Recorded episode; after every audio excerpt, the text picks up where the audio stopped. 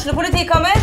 Ine Jansen er purk. Er du purk? The motherfucking bitch. Alt jeg vil, er å finne ut hva som skjedde med mannen min. Jon Carew. Er jeg sikta for noe? Iben Akeli. Det er du. Ole So, Lars Berrum og Big Daddy Karsten. Hvem sin side er du på, egentlig? Anette Hoff, Tone Danielsen, Kommer du fra Afrika? Jørnis Josef, Nesten. Kløfta. Trond Espen Seim, Det er synd å si det, men det var feil mann som døde. Purk.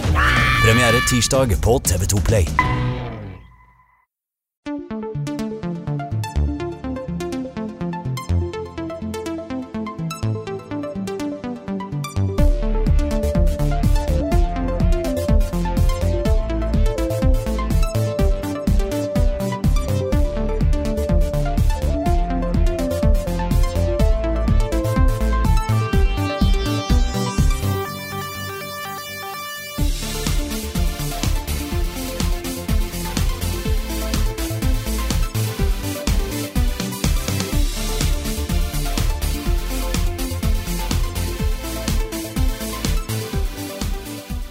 Lei av å bo hjemme i din dorm?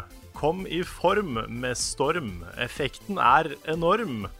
I hvert fall hvis du heter Gorm. Velkommen til en splitter ny level backup med meg, Karl Martin Hoksnes, med Rune Fjell Olsen og med Storm Lars Håkon Stormbakken. Takk. Takk, takk. Det du sikter til der, er jo den lille ja, tullegreia jeg kom med når vi spurte etter spørsmål. Ja, hvor jeg sa stemmer. at vi kom til å lage en eh, Kom i form uh, Storm-Lars. eh, alternativt eh, level backup. Ja vel. Stemmer.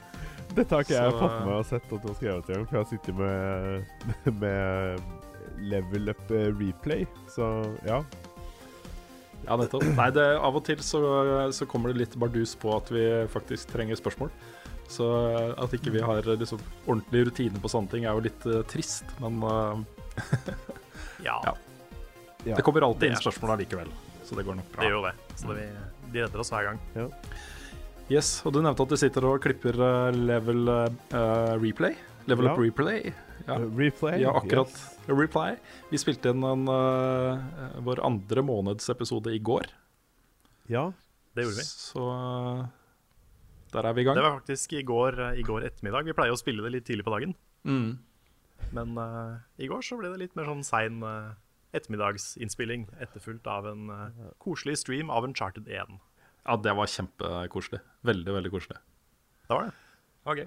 Jeg har uh, sittet her og eh, Jeg er litt sånn småsjuk, og jeg sitter her og sett på det opptaket deres, og det er, er mye bra innhold der, altså. Bloopers fra ende til annen. Det, det var noen sånne litt sånn morsomme Vi feila mye, men det Ja. var liksom på en måte som kanskje, kanskje kan være litt underholdning i. Ja, Mm. absolutt. Så det er det, altså. Jeg lo, i hvert fall. Vi var i litt sånn tøysete stemning, tror jeg. Ja. Ja, vi var kanskje det. Ja, litt fnisete. Det spørs. Vi hadde Ja, vært for på dere- som burger og ja, ikke sant?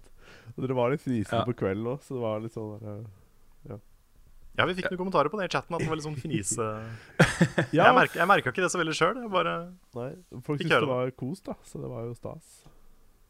Og det var da Uncharted 1 for eh, de som hører på, ikke Uncharted 4.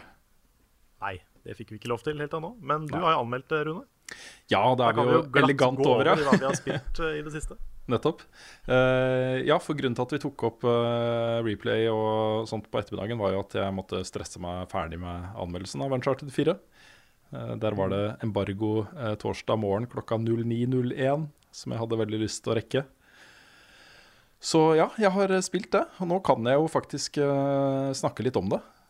Det er liksom, Ja. jeg, jeg vil jo fortsatt prøve å holde meg unna store spoiler om historien og hvor du er i verden og hva du skal gjøre og sånne ting. Men litt sånn generelt om spillet, kanskje. Eh, så hvis det er, er noe spesielt dere lurer på, så er det bare å spørre, så skal jeg prøve å svare. Ja, du, nevnte jo at vi eh, burde spille de tre første spilla før man eh, hopper ut i Uncharted 4. Ja, også eh, det er en anbefaling mer enn et krav, da. Uncharted 4 er et bra spill sånn helt, helt uavhengig av om man har spilt de andre spillene i serien eller ikke. Men dette er jo en serie som har fokusert veldig på rollefigurer og på, på karakterutvikling og, og sånne ting.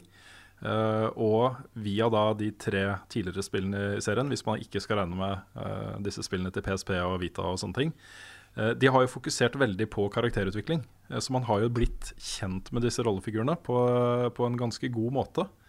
Um, og Uncharted 4 er jo det siste spillet i serien, så Naughty Dog har fokusert veldig på å lage en story arc som er også basert på de tidligere spillene i serien, og som avsluttes her.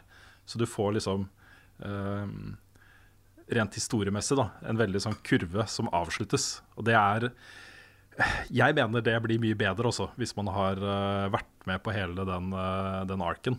Så, så, hvis du har mulighet til det, så vil jeg nok anbefale det. Det kan være litt trått, fordi det første spillet i denne serien det hadde jeg helt glemt. Men det er jo mer eller mindre ja, nesten et rent actionspill. Det er jo litt utforsking og sånne ting her også, men det er mye mer skyting i det spillet enn i, enn i de andre spillene. Så det kan være litt tøft å komme inn i, kanskje.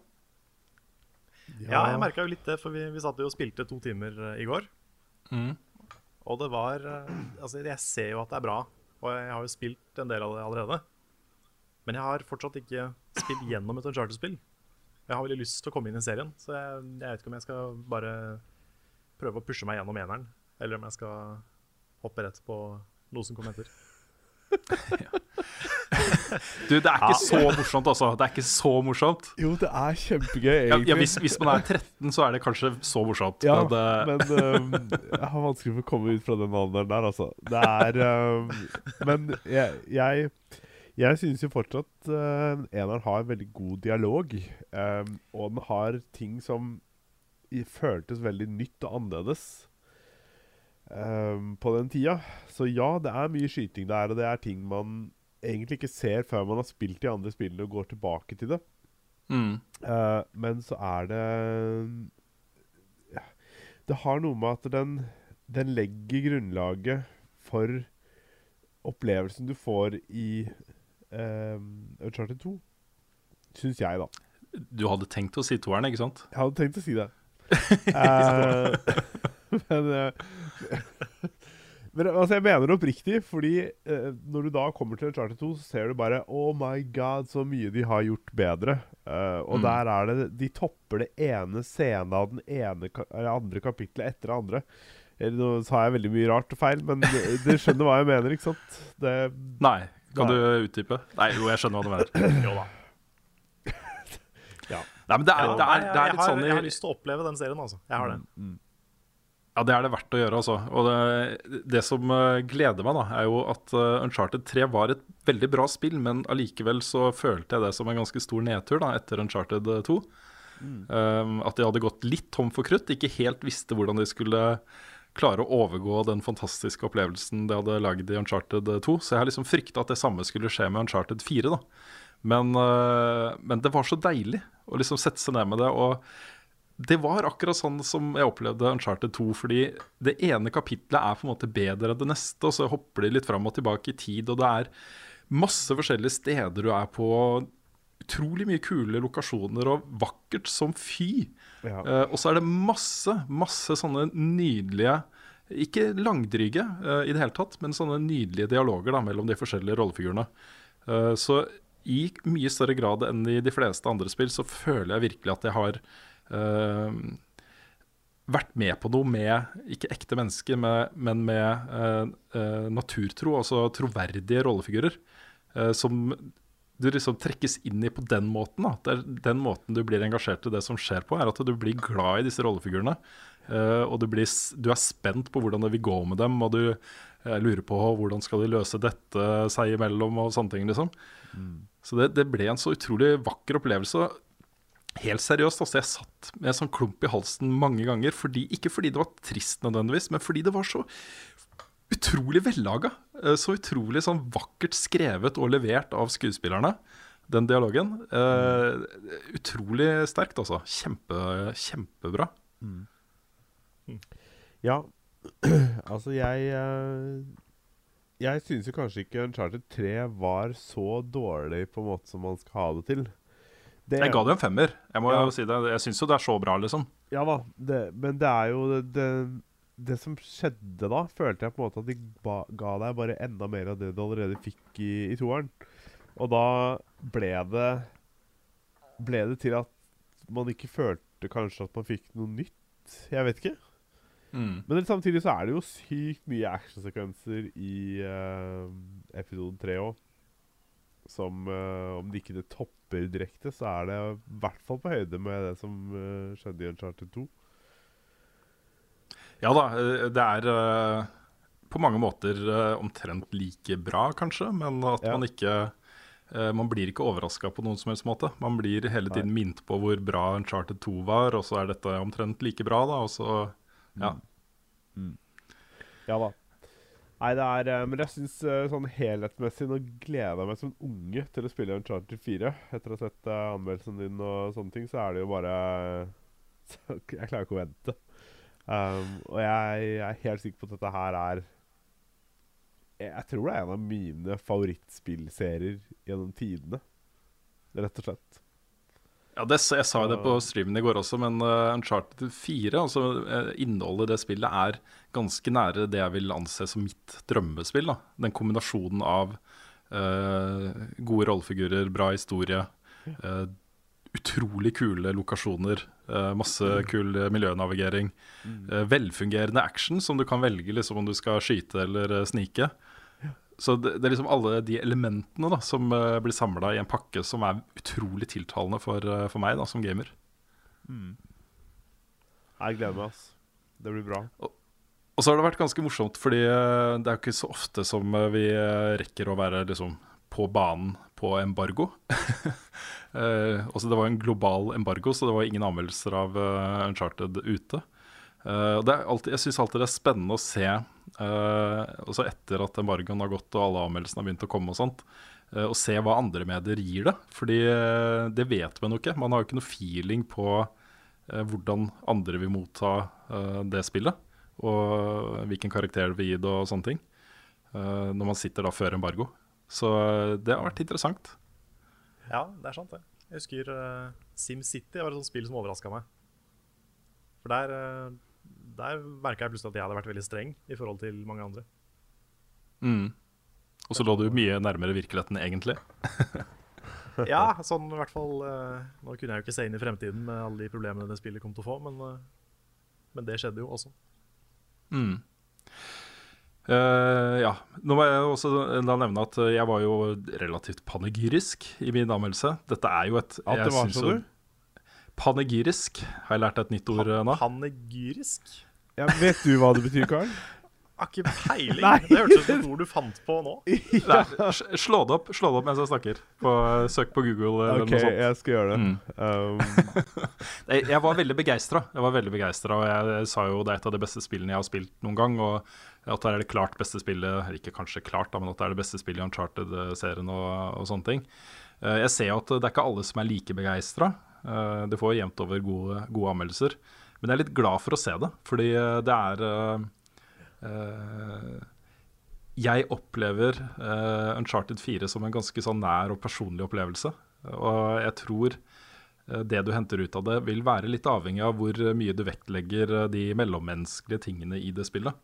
Fordi når jeg ser tilbake på det nå, så er det OK Um, Det er mye som gir meg sånn skikkelig sug i magen av å tenke på. eh, Actionopplevelsen og utforskinga og sånne ting. Men det som, eh, som føles som en sånn varm klump i mellomgulvet mitt, er jo eh, de flotte scenene mellom rollefigurene. Det er, det er det som løfta opplevelsen for meg. Ja. Og det er en sånn pers personlig og individuell ting, føler jeg. da.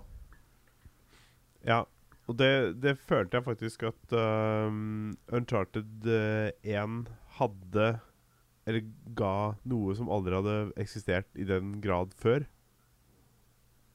Det var det som fikk meg interessert, i hvert fall. Mm. Ja, det var nok det også som var grunnen til at eh, Uncharted 2 ble som det ble. Fordi mm. alle tilbakemeldingene uh, Naughty Dog fikk etter Uncharted 1, var jo at åh, vi elsker samspillet mellom uh, Nathan og Sully og Elena, og vi elsker liksom uh, utforsking og sånt. Det var, vi syns det var altfor mye skyting, men alt det andre er veldig bra. Ja, ja, ja. Og det er jo sann Uncharted 2 ble, ikke sant? ja gud bedre. Ja, det var mye bra kommentarer der. Jeg fant for øvrig ut hva panegyrisk betyr, og det var overdrevent rosende. Så um, Ja, ok. Yes. Ja. da har vi lært noe nytt. Har det. Mm.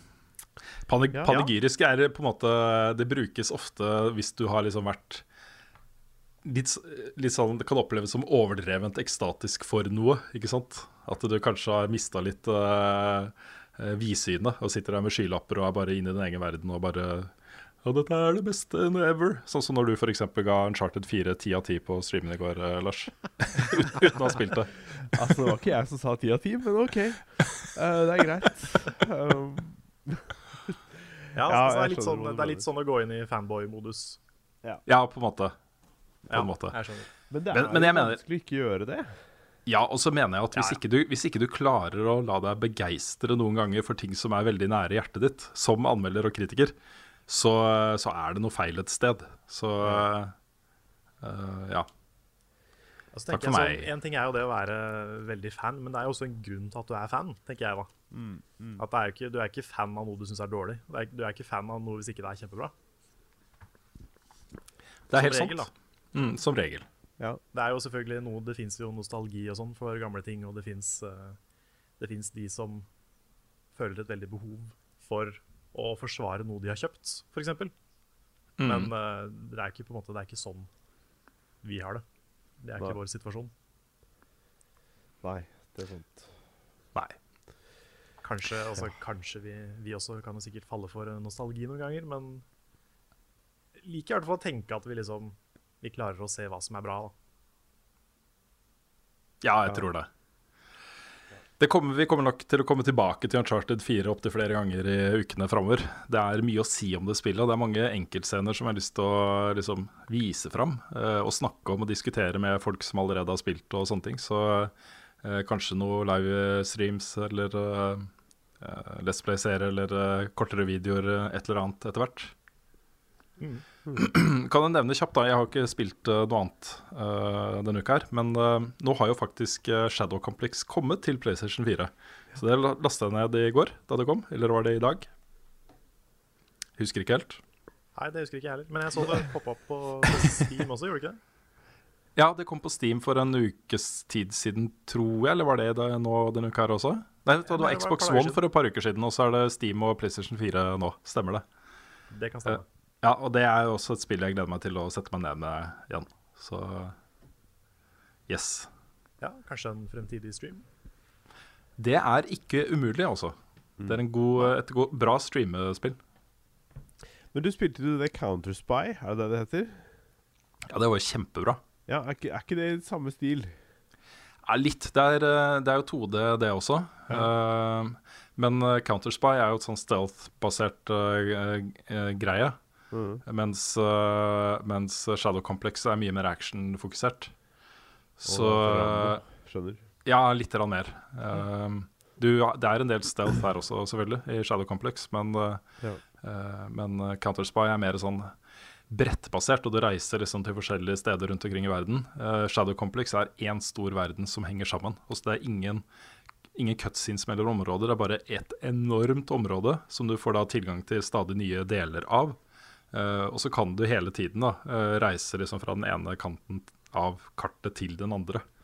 Det er litt morsomt å se eh, det, den uh, tegninga som uh, Chair Games lagde fra, for spillet, da, før de lagde det. Så lagde de jo sånn, et kart som var sant, bare et kjempestort uh, blankt ark hvor de hadde tegna masse huler og ganger og passasjer mellom de forskjellige seksjonene og sånne ting. Så det er liksom ett stort, stort område, uh, og that's it. Uh, Counterspy var jo oppdelt i seksjoner. Altså, det er, det er Metroid, liksom. Det er Metroid. Ja. Men selv der i Metroid så reiser du også liksom mellom seksjoner. da altså det, er, det henger jo sammen. Du tar en heis eller eh, et eller annet, liksom. Men Og ja, eh, det er bare Det er ikke, det er ikke liksom Du går aldri ut av bildet. Eller? Nei, ja, det er noen sekvenser hvor du tar en heis, f.eks. Eller, eh, eller et eller annet. Men eh, stort sett så er det bare at du er på stadig nye områder som eh, mm, ja, bare er der. Ja. Kanskje, kanskje vi skulle fått deg til å spille Ori på stream en gang? For det også er jo veldig sånn Mm. det er, mye, det er mange som spør om vi kommer til å gjøre noe med Definitive Edition, eller hva det heter, som kom nå. Mm. Ja, det gjør jeg veldig gjerne. Det er kult. Har dere Ja, spilt har noe du- gøy i det siste? Skal vi uh, Ja. hoppe videre til deg, Lars? Ja, Um, ja altså jeg har jo spilt Uncharted 2, men jeg føler ikke at vi trenger å snakke så veldig mye mer om det. Um, men utover det så har jeg spilt uh, Overwatch, Ja.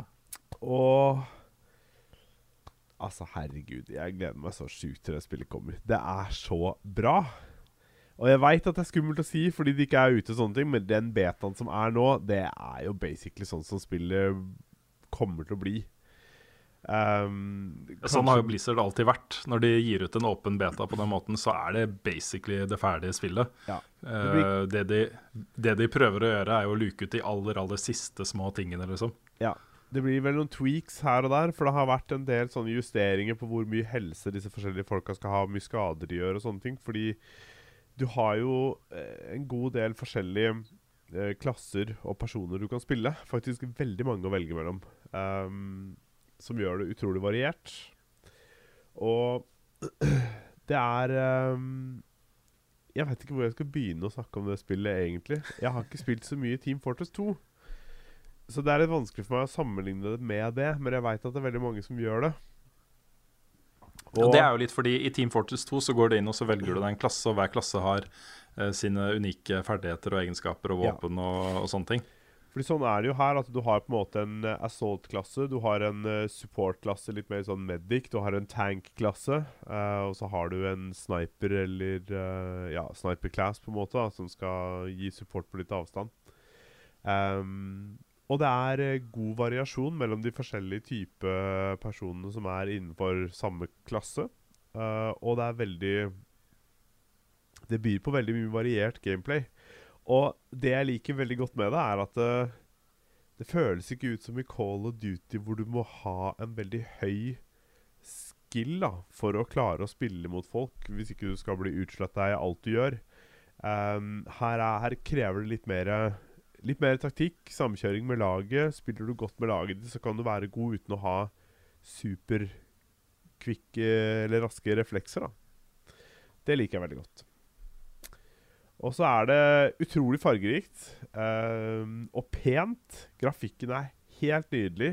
Og karakterene er Altså, de er så kule. Jeg har ikke ord. Jeg Ehm, elsker karakterdesignet i det spillet. ja. Det, det lyser gjennom eh, Blizzard-kvalitet på det spillet her. Uh, og med tanke på det jeg leste tidligere om hvordan disse her folkene som har laget dette her, feila så hardt på å lage Titan, og så har de klart å lage dette her som ble dritkult i tillegg, så ja. Jeg, jeg, jeg er veldig, uh, veldig spent på det spillet. Og jeg håper at uh, det kan være noe jeg kan ha det gøy med sammen med venner i eh, overskuelig framtid.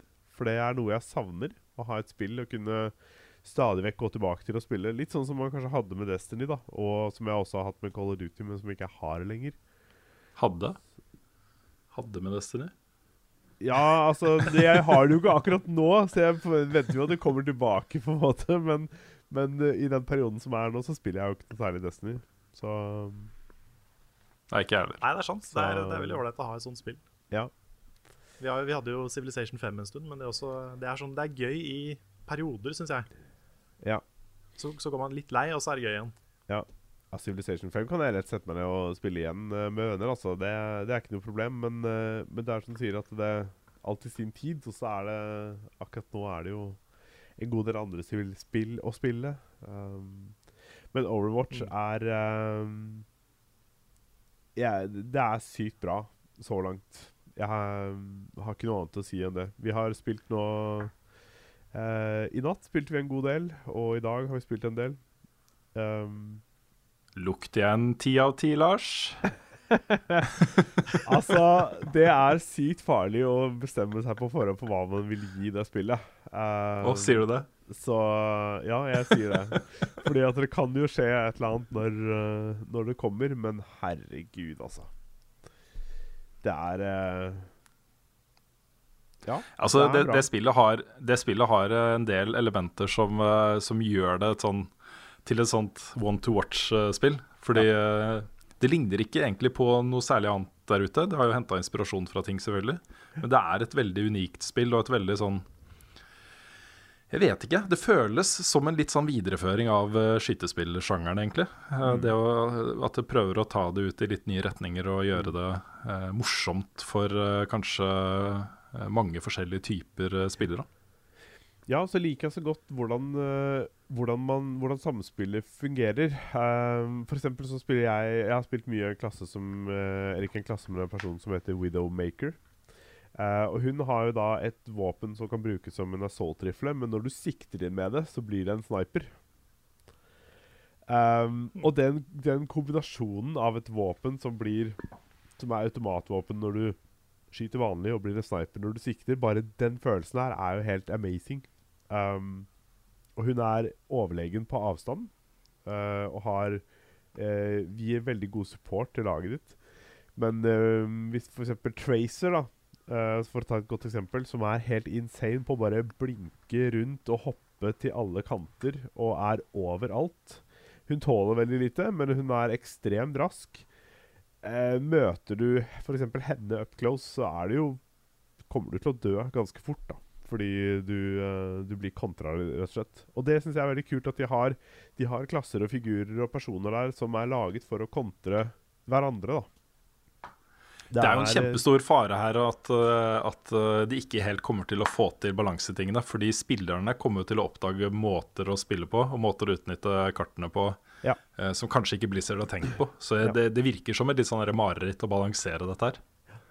Det har det vært mye allerede, og den har gjennomgått uh, en haug med justeringer så langt. Så jeg tror ikke det er det siste justeringer vi kommer til å få se, men uh, det er helt riktig det der. Altså. Jo flere som får tilgang til det, jo flere utnyttelser vil jo folk finne også. Litt sånn apropos uh, Litt sånn apropos, så er jeg veldig spent på hva Svendsen kommer til å synes om Battleborn. Mm. For det ja, er jo litt i samme gate, men kanskje mer Moba. Ja Jeg føler at det spillet nå kommer litt i skyggen av, eh, av uh, noen ekstremt vellykka betatester av Overwatch som har fått utrolig mye positive tilbakemeldinger, og folk er veldig gira på det spillet. Mm. Og de henvender seg jo til på en måte det samme publikum. Ja, jeg har hørt litt mer blanda om Battleborn også. Ja, det har jeg også hørt. Uh, og det er uh, Det er jo litt skummelt, da. At de lanserer det akkurat samtidig med Overwatch. Uh, når klimaet er som det er. Ja. Mm. Jeg er veldig som et litt sånn rart, rart valg. Veldig spent på å se hva Svendsen gir det. Mm, som er. Mm. Så Jeg har ikke lyst til å si uh, så mye om det sjøl, men jeg har uh, hatt litt formeninger ut fra det jeg har sett. Blant annet så syns jeg Jeg kan jo si noe. Det er at uh, jeg syns humoren virker litt anstrengt. Ja, jeg har hørt at humoren er veldig hit and miss. Det er jo ja. for så vidt vår humor i level up også, men det er sånn Jeg har, hørt, hørt at den er veldig basert på litt sånn gamle memes. Ja. Og memes sånn all, all your base are belong to us og sånn? Kanskje ikke så gamle. ja. men, uh, men, ikke så langt unna. For, for, memes går ut på dato på en dag, på en måte. Ja. De, jeg husker da vi lagde den derre eh, da vi lagde den der Harlem Shake-sketsjen vår. Det var jo laget på overtid. ja, ja, det var jo tre måneder etter at den var populær. Det var kanskje ikke tre måneder, men det føltes som tre måneder. Det føltes sånn, Jeg tror det bare var tre uker. Ja, ja det kan hende. Ja, ja. Nei, men uh uansett. Ja, og så er det også litt med det at jeg føler at de kanskje ikke helt vet hvilket univers de vil være i. Om de skal være i Battleborn, eller om de skal være i, uh, i Borderlands. Jeg, jeg, vet ikke. Litt sånn Litt, litt rart. Men uh, vi får se hvordan, uh, hvordan det blir. Uh, Få prøv, prøvd det sjøl og sett hva andre gir det. Jeg er helt sikker på at folk vil se på det At mange vil se på det annerledes enn det jeg gjør. Så yes. Diplomatisk. Ti av ti til, uh, til ja. det spillet også. ja, ikke noe, ikke noe problem. Nei, ti av ti. Veldig spent. Mm. ja, jeg kan jo ta meg ganske kjapt. Jeg har ikke spilt så mye nytt, men jeg har uh, drevet og gravd gjennom spillsamlinga mi og sett etter en ny klassiker etter hvert. Så ja. jeg har spilt mye gamle spill som jeg spilte da jeg var liten. og sånne ting Jeg har vært mye gjennom Disney-spill og spilt Pokémon og litt forskjellig. Så det, det var en ganske sånn uh, opplevelse, det. Å uh, gå tilbake og spille Donald, Donald Duck Quackshot og sånne ting. Det er jo kjempegøy. Jeg har ikke tenkt å google pilagiriserende. Nei, altså What the crap? Um, ja. Nei, det er greit. Ja, Jeg må nei, det- finne meg et fancy ord, jeg også. Jeg skal google et eller annet her. Nei, du kan si at uh, det, det å liksom romstakulere rundt omkring i, i, gamle, i gammel spillsamling, det er ganske givende, altså. Møte Ja, gamle venner og, altså. og sånne ting. Ja, ja, Så, eh, så Det er, uh, det er bare atustisk. ja. Ja. Det er perfekt ord å bruke til å beskrive det. Får vi nyheter, eller? Så Ja, skal Ja, vi vi, tar vi, kan gjerne Vi, vi tar noen nyheter. Ja, Vi skal ha nyhetssaker, og vi kan jo begynne med forrige ukes eh, største nyhet. I hvert fall for deler av Level Up-redaksjonen. Denne eh, Modern Warfare remastered-utgaven som kommer til høsten. Det har kommet ut litt ny info om den eh, utgivelsen. Og i forrige episode av Level Backup så spekulerte vi også i at denne remastered-versjonen kanskje bare ble tilgjengelig via denne legacy edition av Infinite Warfare, som er det nye Call of Duty-spillet. Og det viser seg å være tilfellet. Ja. Det gjør det. ja, dette har jo skapt uh, ganske kraftige reaksjoner eh, rundt omkring. Legacy Edition vil jo koste rundt 800 kroner, uh, og per nå så vil det også være eneste muligheten til å skaffe seg uh, remastered-versjonen av uh, Cod 4. Hva syns vi om det? Altså eh, Konseptuelt så er, jo, er det jo horribelt. Det er jo utrolig sleipt og pengeretta å putte den pakka der inn i en, eh, en spesialutgave av nye COD Internet Warfare, er det det det heter? Ja. Um, så, så det som prinsipp eh, er jo, syns jeg bare er eh, Ja, teit, kan jeg si det så enkelt. Um, Ja, det er kynisk. Jeg syns det, ja. ja. Men samtidig Det er jo- ja. Ja, jeg vet ikke, fordi dette er jo eh, Dette er jo noe som veldig mange har, eh, har etterspurt. En, eh, en remake eller remastered-utgave av eh, akkurat det spillet. Det er Jeg syns jo det er utrolig synd at de uh, gir det ut som et eh, middel for å selge flere Infinite Warfare-spill, istedenfor å kanskje gi det ut uh, et halvt år etter Infinite Warfare, eller som en egen utgivelse en annen gang. For da ville jo folk kanskje kjøpt både Infinite Warfare og dette spillet. Uh, og så hadde de hatt et valg ikke sant, om de hadde lyst om de ville gjøre det eller ikke. Nå blir det jo et sånt derre jeg vet ikke, et litt sånn tvangsmiddel. Du skal kjøpe Infinite Warfare, enten du vil eller ikke. Og det jeg satt og tenkte på, det var et litt sånn at det var, hvis de hadde presentert dette her hver for seg, hadde de Har de så lite tro på det nye kodespillet sitt? Uh, og så tenker jeg, ville de ha hatt høyere salgstall, salgstall for eh, Cod 4 Remastered enn Infinite Warfare? Hvis de hadde lansert de hver for seg? Jeg tror kanskje ikke høyere, men jeg tror at uh, i og med at sånne som deg har snakka så mye om hvor mye de har lyst på en remastered-utgave av akkurat det spillet, så har de nok fått med seg at uh, en viss prosentandel da, av uh, COD-fansen kanskje ville bare ha valgt å spille uh, COD 4 igjen, istedenfor å kjøpe det nye COD-spillet. Ja, altså jeg har fått indikasjoner og snakket med mennesker som jeg ikke har spilt med på mange år. Altså, de slutta med COD på sånn Black Ops 1-tiden. Det er sånn fem-seks år, fem, år siden. De har begynt å til meg bare sånn herre Herregud, det kommer tilbake. Vi må jo spille. Og det er sånn Det er jo sånn, sånn oppstandelse, på en måte, uh, at dette her skjer. Så mm, Ja, jeg vet ikke. Ja, det har kommet en annen innsigelse også. Nå husker jeg ikke akkurat, vi kommer muligens tilbake til det spørsmålet. I så fall så kan vi kreditere den uh, som spurte om det.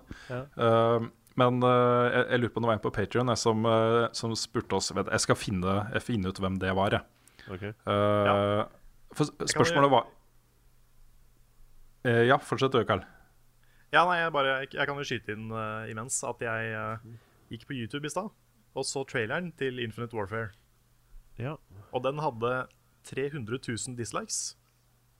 er det bare pga. Modern Warfare-dramatikken, eller er det liksom Er folk veldig lunkne på spillet også? Nei, det er bare derfor, fordi uh, det var jo i den videoen som de bekrefta at uh, det vil være en del, og bare en del, av Legacy Edition. OK. Ja. Ja, Jeg så det var mye eh, sånn der eh, Call of Duties crap now, men det er vel YouTube-kommentarfeltet. Det er vel sånn det er. Altså det, jeg føler det er den sånn generelle utviklinga på det spillet også. eh, at det har blitt folk har blitt mer og mer negative til hvilken retning det har tatt. Jeg syns det var Jeg syns de gjorde At det gikk en riktig vei i fjor. Uh, dessverre så var det fortsatt ikke engasjerende nok til at uh, de jeg spilte med, hadde lyst til å spille over lang tid. Og da er det begrensa hvor mye du sitter og gidder, gidder å spille helt aleine. Men uh, jeg tror det er en sånn generell greie, altså. At folk begynner å bli litt lei av det. Eh, derfor så er iallfall Ja, for- jeg übergira for at det kommer et, eh, et en remastered. Ja. Mm. Jeg syns jo det vi spilte sammen, var gøy, da. Det var, det var kanskje mest gøy fordi vi spilte sammen i fire player og sånn. Men eh, det er ikke sånn at jeg savner selve spillet, liksom. Nei, jeg tror jeg var en av ytterst få som likte kamp, uh, campaign-delen på Black Ops 3. Ja, nei, jeg, har, jeg har hørt Eh. flere sagt at de syns den var bra. Altså. Men uh, det, det er jo gøy når man spiller sammen, og det er det som er hele greia. Og det er derfor jeg tenker at det blir jo en sånn nostalgitripp for oss å gå tilbake og gjøre ting i Cod 4.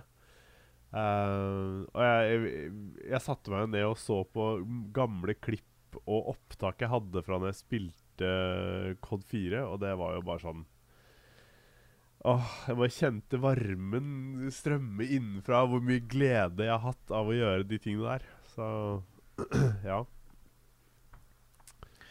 Jeg finner, ikke, jeg finner ikke det spørsmålet jeg tenkte på, så jeg må gjenfortelle det. Og så kan vi jo kalle han uh, Per. Ja. Hvis, hvis vi finner det etterpå når vi skal ta spørsmål og svar, eh, så eh, skal han krediteres. Men Det det, han kommenterte, og som jeg syns er et interessant poeng, det er jo at eh, denne typen remastered eh, av gamle spill gjør noe med eh, verdien av eh, bakoverkompatibilitet på eh, særlig da Xbox One, som har innført det nå nettopp. Hvor, eh, hvor man skal liksom Man får tilgang til da eh, flere og flere Xbox 360-spill på Xbox One. Ja. Men denne typen spill kommer jo ikke. spill som man lager en remaster-utgave og skal tjene penger på en gang til. ikke sant? ja. Altså, Det er, jeg syns det er et interessant poeng, altså. Ja, men Det det, det jeg syns er eh, greit med at de gjør det, og det jeg håper at de tar tak i, er jo sannsynligvis det å luke ut uh, hackere og moddinger og ting og tang som har ødelagt den originale Code 4-opplevelsen. For Hvis man går inn og spiller Code 4 i dag, så vil du jo Altså, de serverne er jo Du skal leite litt for å finne en normal server å spille på. Ikke sant? I hvert fall var det sånn når jeg prøvde det sist gang. Eh, og da, da er det jo ikke Da får man ikke den opplevelsen man er ute etter, fordi man havner i en eller annen sånn derre psykedelisk lobby hvor ting er helt crazy, og ikke sånn som det burde være. Så ja. Det er det jeg håper på at det kan være mye å rett- rette opp i, da. Yes, jeg tror, eh, jeg tror ikke siste um, kapittel i denne sagaen er skrevet. Det er såpass massive reaksjoner mot uh, dette valget som, uh, som Activision uh, har det, og, og Treyarch har tatt her. Så jeg, jeg tipper også dette er en sånn typisk ting som, som fanrage kan Ja. gjøre noe med. Ja. Så kan det hende det er det vi var så vidt inne på i streamen i går. At det er en timed exclusive. At det kommer i standalone etter hvert. Jeg vet ikke. Kanskje. Ja, d- ja. du tenkte tenkt timed exclusive ikke for en konsoll nå, eller? Du tenkte for sånn Nei, nei, jeg tenker mer Ja. på sånn at det er eksklusivt i den pakka, og så uh, kommer det separat seinere. Ja, riktig. Over nyttår eller noe sånt. Ja, sånn mye seinere. Mm. Greit. Vi eh, kommer sikkert til å snakke mer om det i eh, andre podkastepisoder også, men vi går litt videre nå. Ja. Uh, og en av de mest interessante nyhetene fra forrige uke er at Respawn, som jo lager Titanfall, og som tidligere uh, var head honchos i eh, Infinity Ward, eh, Call of Duty-skaperne, Ja. de lager nå et eh, tredjeperson actionspill eh, i Star Wars-universet. Oi. Ja, Mm. det er spennende. Ja, det er både spennende og så blir det litt sånn, for de er jo, eh, de er jo eh, ja, i fanget til EA, kan man si det sånn? Jeg vet ikke. Og EA og de store publisherne har jo en lang praksis med å ta flinke teams og så sette de til å gjøre eh, ting som de ikke er lidenskapelig opptatt av selv. Og så blir resultatet at moralen i teamet går ned, og kvaliteten på det spillet de lager, blir liksom dårligere, og så går det utover deres neste spill, og så, så blir det en sånn negativ ting, da. Og jeg frykter litt at det kan skje her. At ikke, at det, ikke dette er noe som de har gått til EA og sagt Kan vi være så snill å få lage et Star Wars-spill? Men at EA har gått til de og sagt Kan dere lage et Star Wars-spill? Dere får så dritmye penger for det. Skjønner du hva jeg mener? Jeg skjønner. Men hva, holdt på å si, er det noe spesielt som gjør at du mistenker det, eller er det bare en feeling? Eh, Det er rett og slett bare en, eh, en feeling. Og Visceral Games, eh, de som står bak eh, eh, Dead Space, er det ikke det? De uh, lager jo også et Star Wars-spill nå. Dette er jo en sånn franchise som er gigasvær, og sikkert også ettertrakta for mange utviklere. Uh, sikkert mange som har sett mye Star Wars opp igjennom, og som har hatt lyst til å lage et eh, Star Wars-spill. Men det er også en, på en måte en franchise. Altså det er en uh, Mange av disse spillene ender jo opp med å bli på ikke samme nivå, men på linje da med sånne leker du får i Happy Meals på McDonald's og, og sånne ting. Også som en, et side eh, Et lukrativt sidespor til filmene og sånne ting, da. Så det har jo kommet veldig mange Star Wars-spill. Eh, alle har jo ikke vært like bra. Det er sant. Det har vært noen bra, men det har vært eh, veldig mye dritt òg. Ikke sant?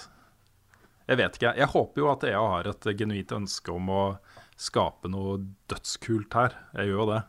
Men uh, det er jo en fare. Ja. Yes, det har vært mer eh, bråk. Denne gang fra uh, Facebook-eide Oculus. uh, som, Ja. Som jo har eh, eh, Det er jo en av de største kickstarter-suksessene noen gang. Og eh, på mange måter så føles det jo som om denne VR-revolusjonen som kanskje da kommer nå, har blitt liksom løfta fram av entusiaster. Og en av de tingene som man fikk da av å backe Oculus på kickstarter, var jo et Oculus headset, også et VR-setup. Um, der har de jo ikke klart å levere til alle som har på en måte forhåndsbestilt da, via Kickstarter ennå. Men nå har de begynt å selge det. Du kan gå inn i en Best Buy i USA og kjøpe det. Eh, Så det sitter jo tusenvis, kanskje titusenvis av mennesker rundt omkring eh, som har på en måte booka eh, sitt eksemplar, som ikke har fått det. Og så kan da en eller annen bare da, 'Kanskje jeg skal kjøpe VR', og så går de til Best Buy og så kjøper det. ikke sant? Det har skapt kraftige reaksjoner. Ja, det er jo, det virker utrolig shady. Ja, Om ikke shady, så i hvert fall uh, vindskeivt. Altså, det er, eh, da, da skjønner du ikke mye av hvordan folk eh, oppfatter ting. altså. Nei, men, men er ikke det altså Er det holdt på å si lov å begynne å selge ting før du har levert de som allerede har bestilt? Altså, er det ikke regler mot sånne ting? Her kan det komme et class action eh, lawsuit. Det Ja. ligger litt i kortene, tror jeg. Så nå skal det også komme for salg i Amazon, annet. Så jeg vet ikke. Jeg vet ikke hva de tenker med. Det er, det er veldig rart. Greit, greit. Vi tar en siste nyhetssak. eh, og det er vi skal til Nintendo. Som eh, har kommet med litt flere detaljer om hva de skal gjøre på E3. Eh, og det kom en nyhet rett før vi spilte inn forrige episode, hvor de snakka om at de skal bare vise ett spill på, på E3, og det er Selda. Zelda. Jeg var jo veldig sånn Det kan jo ikke være bare ett spill, de mener sikkert bare ett NX-spill. Eh, men det ser jo ut som om de bare skal vise ett spill på E3. Ut fra det de har eh, sagt nå. De har i hvert fall sagt at det bare skal være ett spill som er spillbart på E3. Eh, Ja, det er sant. Og går vel ut ifra at de skal vise mer i enten konferansen sin eller den Nintendo Directen som går eh, rundt da. Ja, men nå, det, det var jo tidligere i dag, så eh, fortalte de jo konkret om hva slags planer de hadde på etere. Og de nevnte ikke Direct med et ord. Så det ser ikke ut som om de skal ha en egen pressekonferanse i, i år. Det de sa, var at de skal ha en heldags uh, live Zelda-stream. Å ja. Som skal innledes da med en timelangt uh, introduksjon av et eller annet art. Og så skal de sitte og spille Zelda i timevis. Det er det sånn jeg forsto det, i hvert fall. Ok. Ja, jeg syns det er rart hvis ikke det viser Pokémon, eksempel. Det er jo Sun and Moon har jo ikke sett noen ting av ennå. Mm. Men jeg vet ikke, det kan hende det, det er det som skjer. At det bare er Zelda. Kanskje, kanskje. Kanskje, kanskje. Da må det være mye å vise fram. I. Jeg er ikke interessert i å se en eh, åtte timer lang eh, livestream av Selda. Altså. Jeg vil kanskje se 20 minutter. Eh, så føler jeg det Ja, holder jeg, massevis. jeg er litt der, jeg òg. Jeg har ikke lyst til å bli spoila på hele spillet, liksom. Nei. Nei, det er interessant. Hmm. Det blir spennende å sitte da i sofaen vår hjemme i Norge og følge, følge etter i år. Det gjør det. Det blir kanskje en litt kortere Nintendo-oppsummering enn det det pleier å være. Kanskje. Selda ser fett ut, ass. Ja, sikkert. Og så er vi ferdig. Ja, så er vi Ti av ferdig. ti. Ti av ti, Lars. Ja, det, jeg, jeg, jeg, er down, jeg. å ass. mobbe. Er det noen flere jeg kan gi ti av ti? Jeg kommer til å gi alle spill ti av ti heretter. Uh, det, er helt, det er helt greit. Det, Det kan, var bli vår fem, det kan bli vår fem av sju. Ja. Ja. Greit. Skal vi, vi svare på spørsmålet?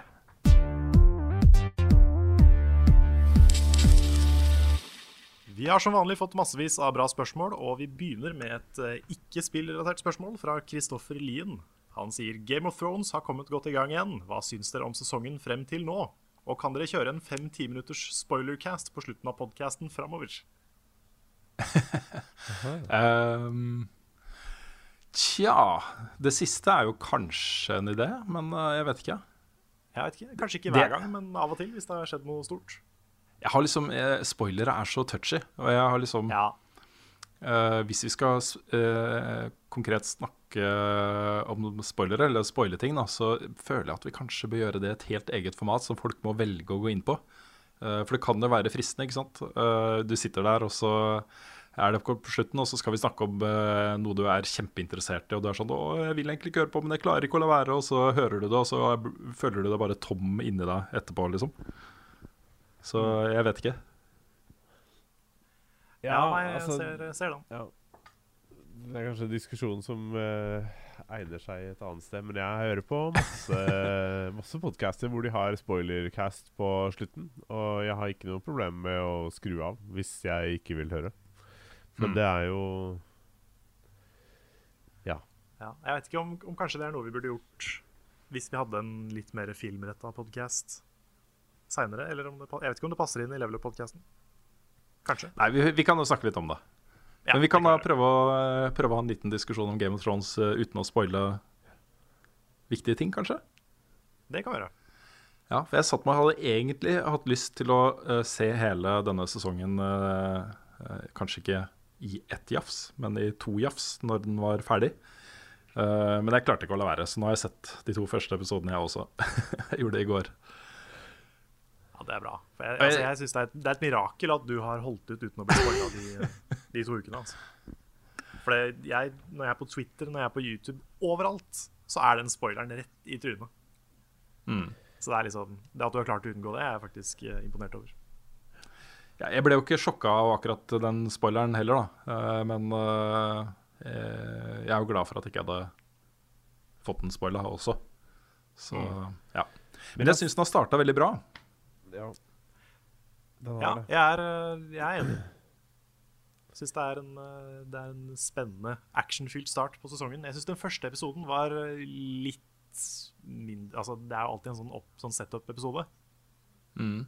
Så jeg syns den var litt lite spennende, kanskje. Sånn ut fra det jeg forventa og håpa på av en uh, første greie. Men uh, episode to, da, da kom vi ordentlig i gang. Mange veldig brutale dødsfall, rett og slett. Sånn eh, Ja ekstremt brutale dødsfall. Ja. Nei, er, er det, skal vi liksom Er det lov å si ting om dette her nå, eller? Er det, var det ikke det? Var det sånn Nei, det er vi, vi eh, kan vel ikke spoile noen av de store hendelsene, kanskje. Nei. Men eh, Men jeg syns liksom det, det, det, er flere, det er flere av disse historiegrenene, da. Altså man uh, kan jo se på Game of, Game of Thrones som mange historier som er fletta inn i hverandre. For du følger jo uh, forskjellige rollefigurer som er på helt forskjellige deler av dette universet og uh, har sine egne opplevelser som har en viss tilknytning til, de andre tingene, kanskje, men som er veldig separate. da. Så jeg syns de aller fleste av de, de trådene, historietrådene har tatt seg opp. Uh, det å følge da de forskjellige rollene rundt omkring har blitt mye mer interessant, for det begynner å skje ting som jeg syns er spennende med de aller fleste av dem. Så, ja. så, det er det jeg liker best. At, uh, sånn, I forrige sesong så følte jeg at kanskje mange av de historiene gikk litt på tomgang. Altså, det skjedde ikke så mye. De var på en måte litt sånn stillstand, kanskje mens de venta på at andre events i Game of Thrones-universet skulle utfolde seg. ikke sant? Mm. Uh, men nå begynner det å rulle ordentlig, og det syns ja, jeg er kjempekult. Det, det, beveger seg mer mot en sånn slags konklusjon, da. Mm. føler jeg nå. At nå begynner ting å, eh, å ta seg opp, og det er ikke lenger noen grunn til å hale ut tida. Nei, ikke sant? Det er litt sånn. Men jeg, jeg føler samtidig at jeg skulle veldig ønske den serien kom i ett, sånn som på Netflix. Mm. Fordi når jeg ser én episode, så er det sånn Du får så lite fra hver historie. Det er, liksom en, det er bare et par scener, og så er det ferdig. Ja. Så det, det, er noe jeg savner. Jeg skulle ønske jeg kunne se alt i ett. Det, ja, det var derfor jeg hadde lyst til å vente til slutten. Ja. ja. Men da tenker jeg liksom det er ikke så lett. Mm. Jeg vil heller se litt og litt og ikke bli spoila enn å bli spoila og så se det og bli lei meg, liksom. Ja, det er det jeg også tenker. Så det er derfor jeg ser de når de kommer. Jeg sitter jo faktisk jeg, jeg... oppe til klokka tre om natta, for da blir sluppet på HBO Nordic Oi. på søndager. Kult. Så det er blitt sånn uh, veldig late night søndagsritual å se Game of Thrones. Hmm. Jeg, jeg, jeg, jeg, jeg, tror det vi erfarer nå, det er jo at uh, Uh, nå er vi jo i uncharted territory, hvis man kan si det sånn. Ja. Uh, nå, nå, er vi jo på en måte lenger enn en det uh, George R.R. Martin har kommet i bøkene. jeg tror forrige sesong var stillestående i store deler av den fordi de prøvde å liksom OK, kommer det en bok til? Vi må liksom ha mer. Vi, vi har ikke lyst til å liksom pushe dette her før vi vet helt sikkert hvor historien går og sånne ting. Mm. Er, tror dere at det hadde noe med det å gjøre? kanskje? Jeg vet ikke. Jeg kjenner at jeg Altså, hvis ikke Hvis ikke jeg kan snakke om det jeg har lyst til å snakke om, så, så har jeg ikke lyst til å snakke om det mer. For jeg blir helt sånn herre Det er det er sånn der, du, du, Ting du har sagt nå, er bare sånn tisa så innpå et par ting hvor jeg bare liksom bare mm, du, du, sier nesten liksom hva som skjer. Um, og så er det sånn Det gjør jo ikke det. Nei, det stopper jo god tid før. Ja, det er ikke noe problem, men det er bare sånn liksom jeg har lyst til å fullføre det og si det. Det er mm. um, Ja. Nei, men de er godt i gang med ting som skjer uh, i, i Vesterås og gud veit ikke hvor. Oh. Ja, jeg, jeg, liker det. Jeg liker det veldig godt. Eh, vi tar et spørsmål her fra Jostein Johnsen på Patrion. Eh, hva er deres mening om at skytespill som Call of Duty og Battlefield har gått fra eh, andre verdenskrig-tema til moderne tid og videre til postmoderne? Etter dette har vi begynt å se spill som Overwatch og Battleborn som tar dette videre til det futuristiske. Jeg er ikke helt sikker på om jeg er enig i akkurat det, men uh, la gå. Kommer vi til å se et gjensyn av andre verdenskrig igjen? Og vi snakka litt om det i forrige podkast.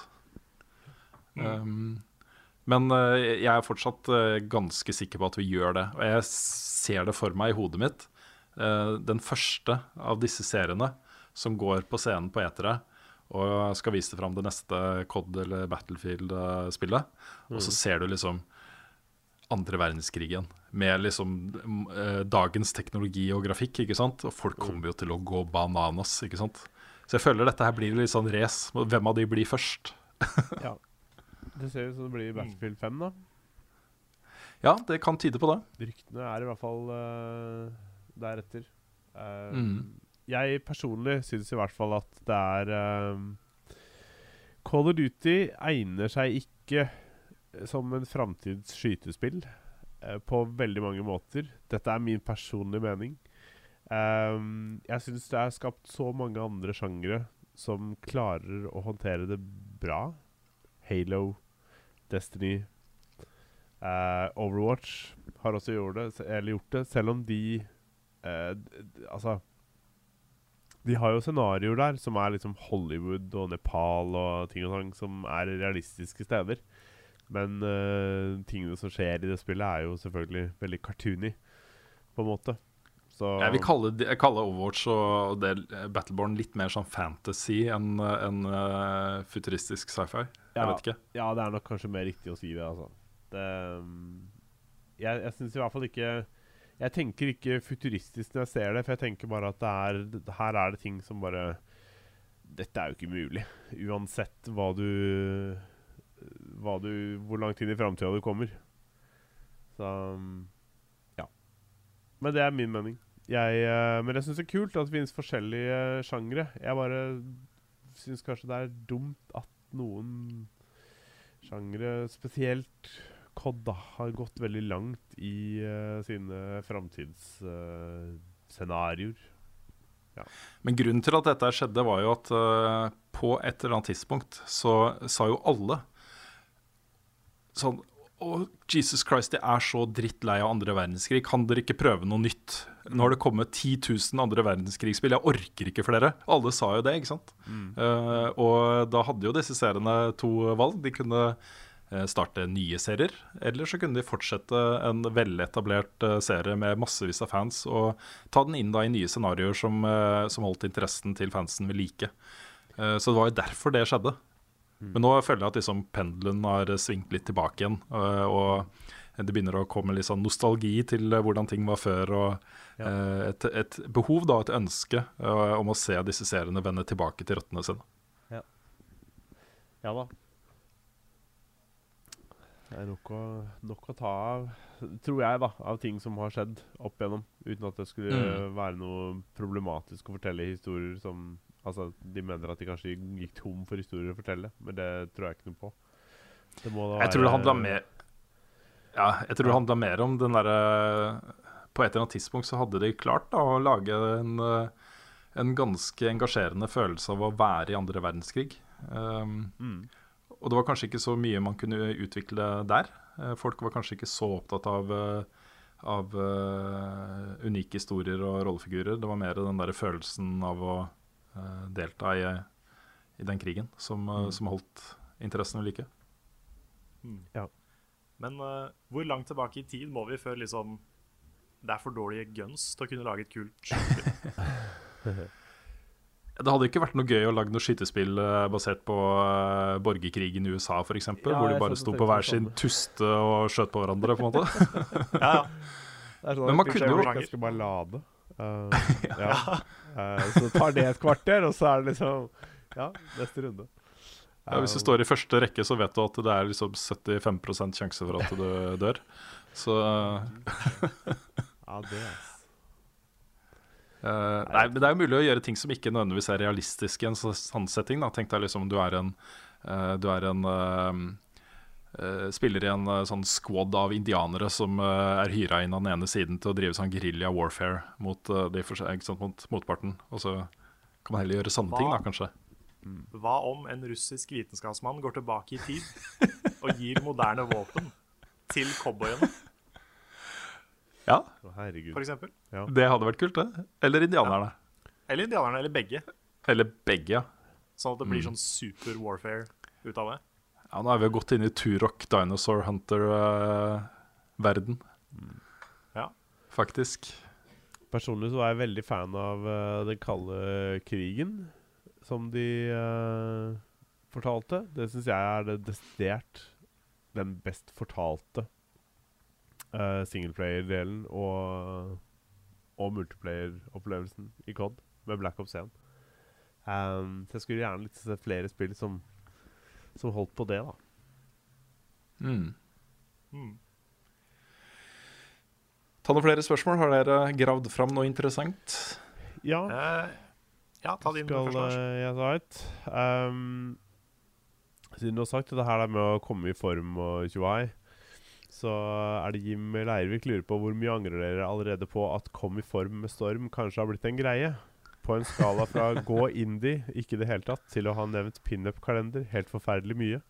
Spørsmålet er til alle andre enn Storm-Lars, som sikkert koser seg med konseptet. Med rette. Jeg tror kanskje du er den som koser seg minst med konseptet. Jeg syns det er kjempegøy. Det hadde vært en utrolig morsom uh, serie. Ja, for min del så kommer det veldig an på om jeg må delta. Ja, det er sant. Fordi uh, hvis jeg bare kan se på og følge med, så er det jo kjempegøy. Mm. Altså, det, Jeg har det er jo- ikke noe spørsmål om du må da. delta. Du må, Nei, det det. du må jo delta. Altså, hallo! Ja, Ja. Da er det litt på pinup-kalendernivå. Ja. Um, Men jeg har jo faktisk blitt litt inspirert av det, eller prøvd å bli litt inspirert.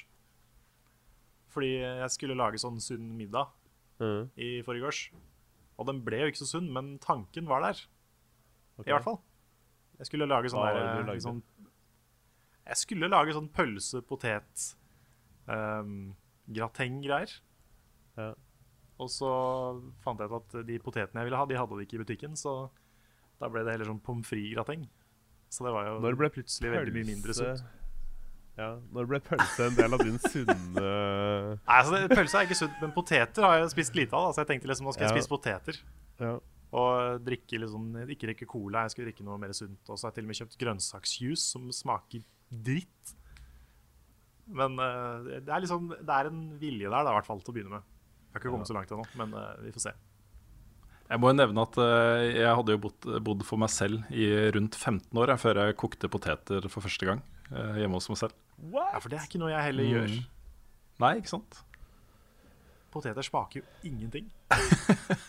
Nei, men altså literally ingenting. Du kan jo gjøre mye spennende med poteter, da. Det kan du. Kan Ja, men da må man jo jobbe for det, på en måte. Man må drive og Ja, altså- skjære og krydre og du, Ingenting kommer gratis heller, da. eh, Um, Nei, Det er det som er problemet. nei, men, man kan kjøpe, det få kjøpt mye bra for penger. Ja.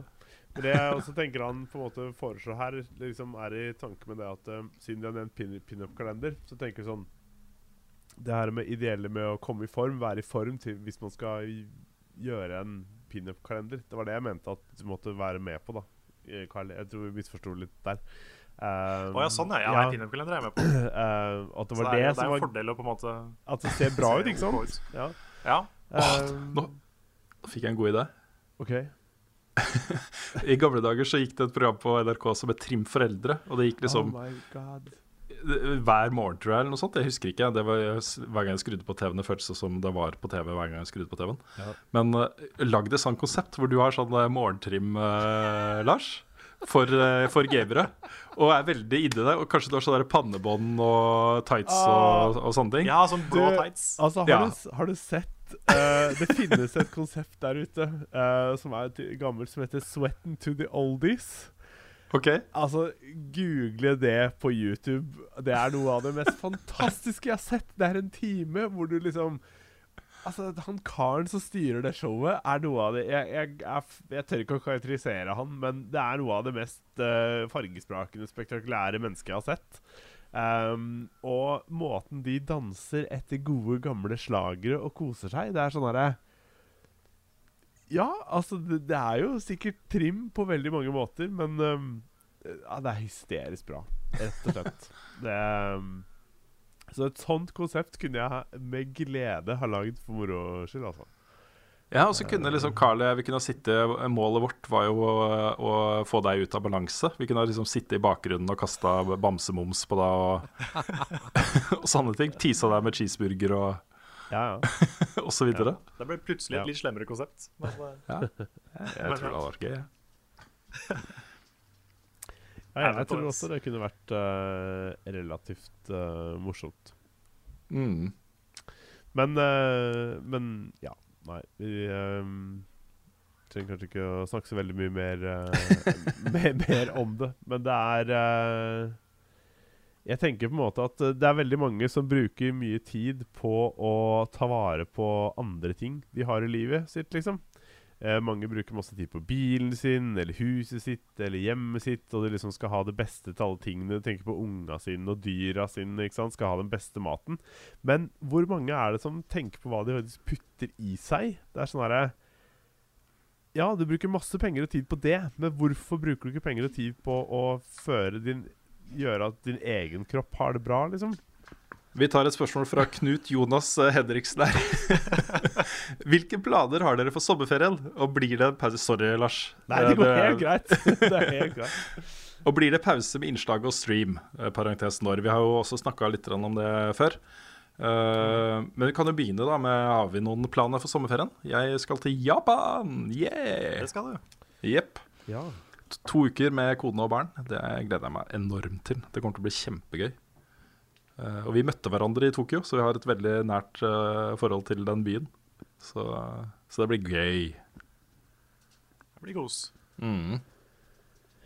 Ja, nei, jeg har vel egentlig ikke noen eh, spesifikke planer, annet enn å koble ut og gjøre andre ting enn det jeg vanligvis gjør. Mm. Som vi Nei. sier, mye spille spill for hobby istedenfor for jobb. Ja, ikke sant. Nei, vi har jo eh, eh, en utfordring med sommeren, og det er jo at en av oss eh, er litt fastlåst i tre uker i juli. Da er barnehagen stengt. Og om et år, så, eller to år, så er jo sommerferien enda lengre. uh, Er det? Ja, da begynner jo Mika på skolen. Så Ja, sånn, ja. ja det er Mm. Så i hvert fall de tre ukene i juli så, så er, er det ting som det er. Eh, Men vi snakker jo om å overlappe litt. At, eh, at du kanskje tar ferie. At vi kanskje er én uke eller noe sånt eh, felles, men at du tar da i etterkant eller forkant. Kanskje helst i etterkant, jeg vet ikke. Ja. Jeg har tenkt litt på det, at jeg, jeg tar ferie sannsynligvis etter din tur, da. Mm. Vi kan jo ha en overlappende uke, en uke hvor vi har kanskje ferdig produsert et eller annet uh, som kan publiseres mens vi er borte, f.eks. Mm. Det, det kan være. Så, så det blir litt, litt kortere tid. Mm. Nei, det blir, ikke, det blir uansett ikke helt tørke på kanalene våre. Det, det skal det ikke bli, for det er skummelt. Ja, det er også flere som har kommentert at vi fortjener ferie og det å lade batterier og uh, flate ut og gjøre litt andre ting og sånt. Og det, det vet vi. vi. Vi må det. Vi kan, vi kan ikke være sånn litt på jobb og litt på ferie. Vi må ta helt ferie når vi først har ferie. Uh, det det er er viktig, rett og slett. ja, men, men sånn er det bare.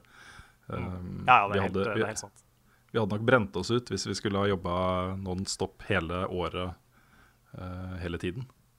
Så, så ferie trenger Mm. jeg vi. husker, ja, jeg husker veldig godt de, de første sesongene med Level Up. Da var, det var jo kjempegøy, selvfølgelig, men det var også jeg var ganske kjørt når det, når det var ferie. Altså. Mm. Ja, det er sant, det. Skuldrene hardt ned med en gang. Ja, de gjorde det. Da jobba vi også veldig veldig intenst mot en lang episode som, vi, eh, som var viktig for oss. At skulle bli dritbra, ikke sant. Eh, så sånn særlig to-tre dager før den episoden eh, skulle være ferdig, så satt vi jo og jobba beinhardt. Og klippa så det spruta og spilte og, osv. så videre. Så det ble veldig intenst. Og så var jo du i pappaperm en periode også. Det var jeg også. Bare Å ja, nå, nå skal jeg, skal jeg lage program på VG. Så det var jo en opplevelse. Moro, moro. Yes. Um, jeg har et spørsmål her fra Mathias Kolsrud Aase. Han sier Er det noen innslag eller anmeldelser dere har laga før som dere nå er flaue over, eller uh, ville blitt flaue over å se i dag? Jeg har mange, eh, men det er fra gamle dager. Eh, vi snakker tidlig i 2000-tallet, hvor jeg begynte å lage videoanmeldelser på VGTV. Og det er ganske pyton å se det igjen nå, altså.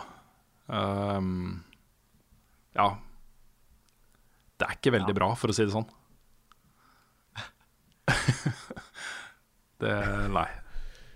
Er det lett å finne ja. de? Ja, jeg har ikke kan- sett Nei, ting du har laga for Level Up, bortsett fra det. Nei, Hvis man er- søker f.eks. på, på um, uh, Rune anmelder 'Shadow of the Colossus' på, i Google, så er det første treffet du får opp, er eh, For jeg, jeg så det spørsmålet tidligere i dag, så da søkte jeg opp akkurat den, for det var den første jeg tenkte på. Den ligger da ut, fortsatt ute på VGTV. Så det er bare å kose dere, folkens. Der, der var jeg ikke helt i mitt ess.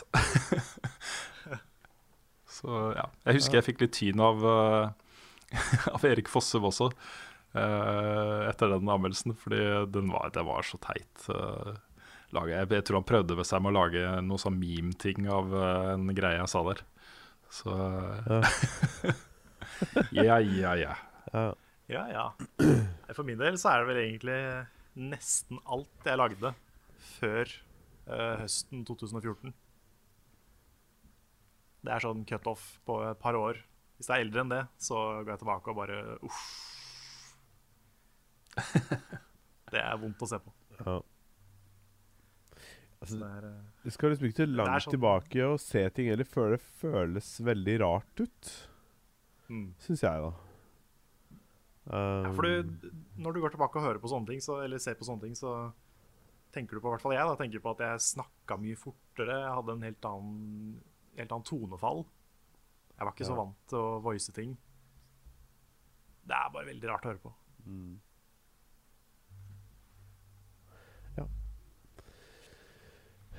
Yes. Men Har du eh, noe, Lars? Ja, Jim eh, Leirvik, vet du. Han Nei, men du, eh, du har jo ikke sagt noe du er flau over. Å ja, noe jeg er flau over?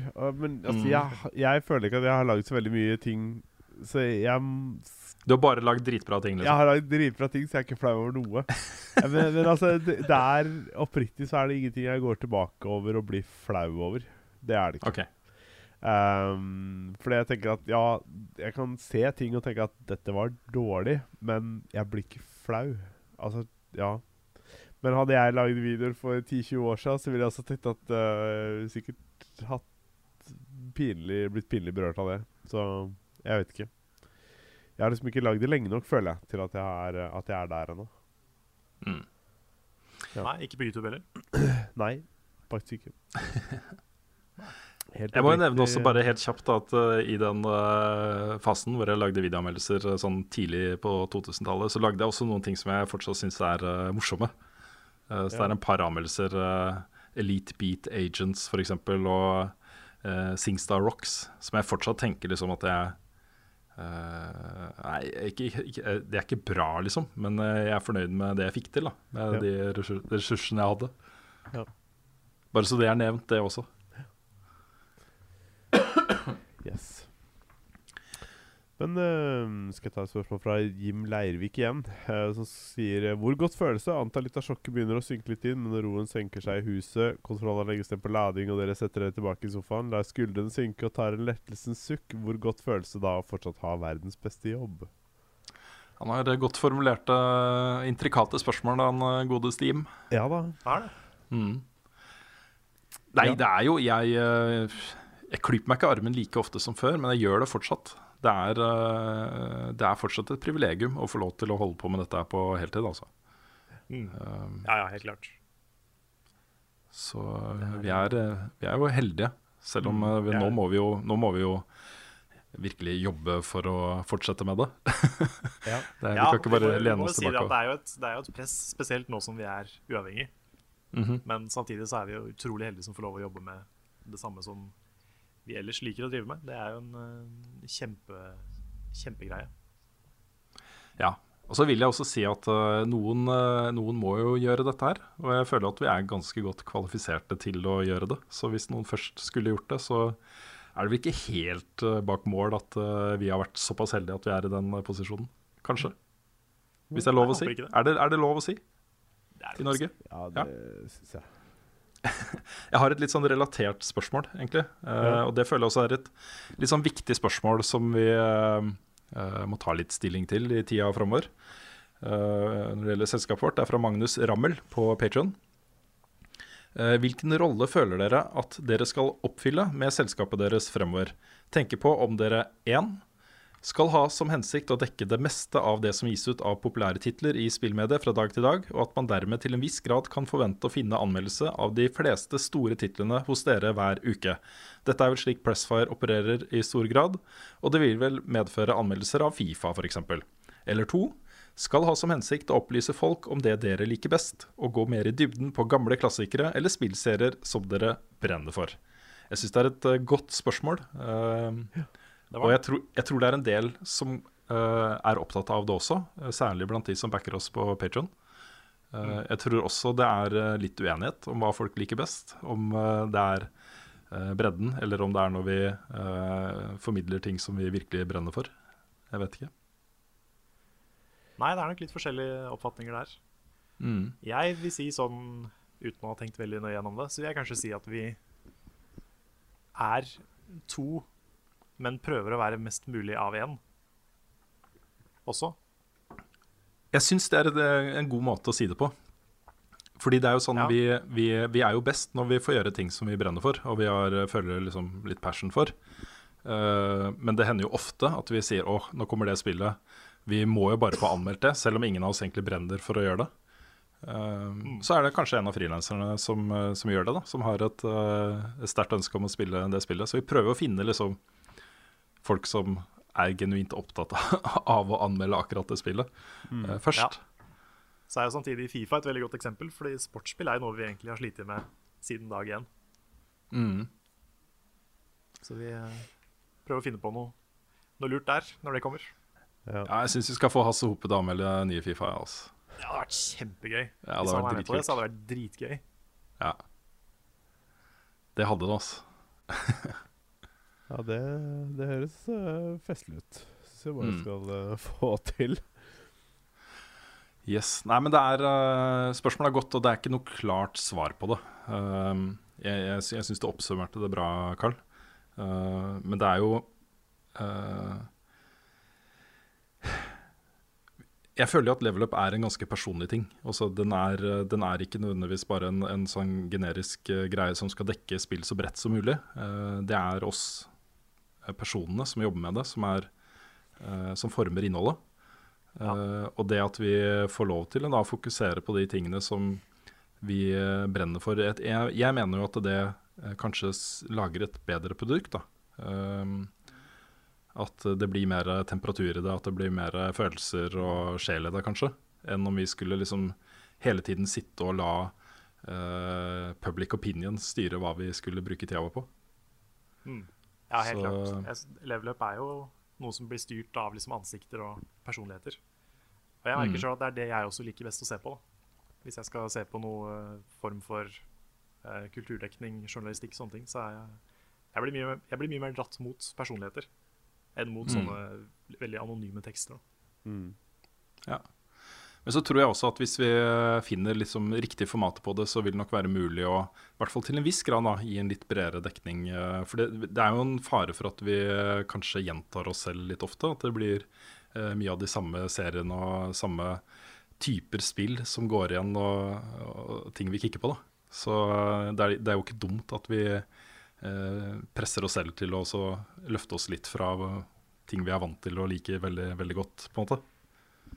Så f.eks. nyhetsmagasinet som jeg skal lage, kan jo være en sånn sted hvor det går an å informere om ting som ikke nødvendigvis er ting som vi eh, ligger våkne om nettene og drømmer om, f.eks. er sant. Kanskje. Ja. Så vi skal, vi skal prøve å være så nummer én som vi, som vi kan. Jepp. Bra spørsmål her fra Mats Østreng Veland. Hva hadde dere likt mest? Portal 3 eller Destiny 2? Hei, hei. Nei, altså For min del så er det Portal 3. Jeg syns jo Portal 2 var eh, noe av det beste jeg har spilt. For så vidt også Portal 1. Mm. Jeg Mistenker at det kanskje ikke er det svaret for alle. Nei uh, Jeg syns det er vanskelig å svare på det spørsmålet. Fordi Portal for meg er jo uh, noe av det beste singleplayer eh, spillopplevelsen jeg har vært borti noen gang. Jeg syns det er helt fantastisk historiefortelling og puzzle-design og uh, den verden du befinner deg i og de tingene der. Jeg syns det er helt, helt, helt fantastisk. Uh, og det er jo sånne ting jeg setter veldig, veldig stor eh, pris på. Eh, men eh, det er så mye potensial i en sånn serie som eh, Destiny. Eh, og det er, det er så kult. Jeg, jeg, jeg har blitt så glad i eh, en sånn persistent verden eh, som er et skytespill, og ikke et uh, ressursoppsamlings uh, stat uh, gnukk greie, liksom. Eh, at det er veldig underholdende samtidig som det er persistent. Eh, og det ligger det så mye potensial i, og jeg, jeg føler ikke at det Jeg føler at det potensialet ikke er utnytta ennå av Bunji. Så jeg har veldig høye forventninger til Destiny 2. Det, det må det vel Jeg må få lov til å si det også. Jeg lover det, altså. Jeg har veldig høye forventninger til det sjøl. Jeg er veldig, veldig, veldig spent på hvordan det blir. Jeg er jo en av de som da syns Destiny var kjempegøy, men som gikk litt tom for ting å gjøre. Så jeg er jo alltid spent når det kommer nye ting. Sjæl. Yes. Ja, uh, Spørsmålet er fra Nils André Flatebø. Eh, han spør hvem av dere er det som forfatter tekstene på Facebook. Og svaret på Å, det er jo egentlig alle sammen. Det er det. Ikke samtidig, men eh, vi bytter på litt. Ja, Jo, jo. vi bytter på litt. Vi setter oss ned hver gang vi skal legge ut noe, så har vi en halvtimes diskusjon om hvordan skal vi skrive dette her. Ja, Lars skriver et ord der, og jeg fyller på med et ord der. Neida. Nei, det føles ofte litt rart. For eksempel, jeg la ut den teksten om uh, Uncharted-anmeldelsen. For det er jo eh, ingen av dere som var våkne klokka 09.01 på morgenen. Ikke. Hei, Jeg var jeg er uh, våkner stort sett nå mellom klokka åtte og ni om morgenen, så mm. Oi, Wow. Yes. shit, du har blitt flink, ass. Trening gjør underverker. Ja. Ja. Ja Nei, så da skrev jeg det selv, ikke sant? og da var det sånn eh, Hva syns Rune om dette spillet? Jeg føler meg alltid så rar når jeg må skrive det, liksom. Fordi alternativet er å skrive 'Hva syns jeg om dette spillet?' og så parentes det, det er Rune som skriver dette, by the way. så jeg Ja, det tenker jeg på sjøl hver gang jeg skriver mitt eget navn. I det Ja. der. Ja, Syns du det? At det, er, eh, at det er et problem? Fordi jeg tenker at de som leser tekstene, vil jo ikke nødvendigvis tenke over hvem som har skrevet det. Og du snakker jo om de personene som, som har laget Altså, når du snakker om nevner deg sjøl, så snakker du om den som har laget anmeldelsen. Så da vil det jo være naturlig å bruke navnet ditt istedenfor meg. Også når det, hvis ikke det er noen signatur under meg, så er det sånn Ja, hvem er meg? Ikke sant? Ja da, jeg, ja, det, jeg har ikke noe stort problem med å gjøre det. Jeg bare syns det føles litt rart. Ja. Så ja. Syns du er flink, jeg. Tusen takk. Eh, ja. Nei, men da fant vi ut at det um, Her er Jeg har fått et spørsmål fra Eller jeg, hører du? Jeg har fått et spørsmål fra Remi Granheim. Hvilken karakter i en sitcom er den beste? Hans sin er selvfølgelig Chandler Bing. Hmm. Har dere noen karakter fra en sitcom som dere elsker? Åh. Ja, det har jeg. Hva er det han het igjen? Uh, det, gikk en, uh, det gikk en serie eh, tidlig, tidlig 80-tallet som het Soap. På norsk så het den Lødder. Har dere sett noe av det? Nei, Nei. det har jeg Det ikke. var en, det, det var jo en slags parodi på sitcoms. da en, Det var en humorserie om en stor familie med massevis av barn og tanter og onkler og fetter og kusiner og sånne ting. Ja. Eh, Billy Crystal hadde en av de mest sentrale rollene her, f.eks. Uh, men det er altså familiens overhode. Um, jeg, skal prøve å google nå, Fordi eh, hvis ikke folk har sett eh, Lødder, så er det å se um, eh, Se litt klipp fra det er ganske morsomt. Tror jeg, da. Det er lenge siden jeg har sett det. Uh, dere kan eh, snakke litt om deres favoritter eh, så lenge. Du har sagt eh, Chandler Bing. Nei, jeg har ikke sagt det. Det var uh, Remi Granheim som uh, sa at han sin var Chandler Bing. Uh, jeg kan jo for så vidt si meg ganske enig i, eh, i det, da. Jeg syns Chandler eh, er en genial karakter, men eh, jeg har lyst til å trekke frem eh, eh, Trekke frem en ganske teit ting, og det er liksom Jeg vet ikke hvor bra det er, men eh, Nils imot i brøstet. Altså Han er ikke en spesielt smart eller kvikk eller på, på veldig mange måter. Eh, jo, noen ganger så er han faktisk det, men han er jo Altså, måten han er naiv til verden og ting rundt seg på, er jo helt fantastisk. Jeg bare, jeg bare elsker det. Um, jeg misunner folk som er sånn. Som klarer å forholde seg sånn til ting. Så Ja. Ja. Uh, jeg driver og tenker på det. Jeg tror kanskje det må bli Edmund fra Blackadder. Aha. Alle Er, er det en sitcom? Eller ikke, Er ikke første sitcom? sesong, Ikke første sesong, men eh, de, to, de tre siste. Mm. Ja, det er kanskje en sitcom. Det har i hvert fall bokslatter, og, eller det er live audience-latter, men det har latter, eh, latterspor og sånt, har det ikke det? Ja, ja er ikke det en sitcom? Jeg føler det. Ja, kanskje. Nei, jeg vet ikke, ass. Ellers så er det han eh, Å, husker jeg ikke hva han heter, selvfølgelig. Han, uh, han ene i IT Crowd. Han som har uh, afroen. Ja, ja, ja. Ja, det er han også veldig morsom. Hele den serien er er jo kjempemorsom. Ja, den er det. Ja. Jeg har funnet navnet på, eh, på min favoritt. Ja. Uh, han heter Richard Mulligan. Um, og han, uh, han spilte rollen som uh, Skal vi se Bert Campbell. I, eh, her står det på at den het 'Forviklinger' på norsk, men jeg tror i en periode så het den 'Rødder'. Forviklinger. Ja, ja. Han hadde en helt fantastisk morsom rolle i den eh, serien. Også. Det husker jeg fortsatt. Det var, eh, det var kjempegøy. Ja.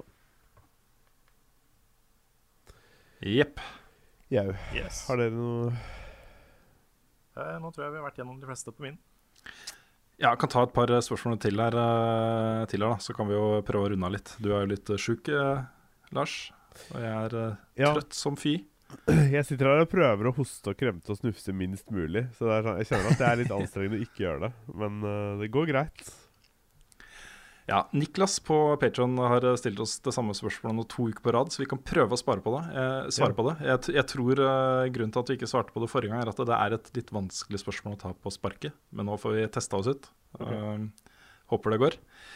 Eh, hvilke to spillserier ville dere mikset sammen i ett spill, og hvorfor?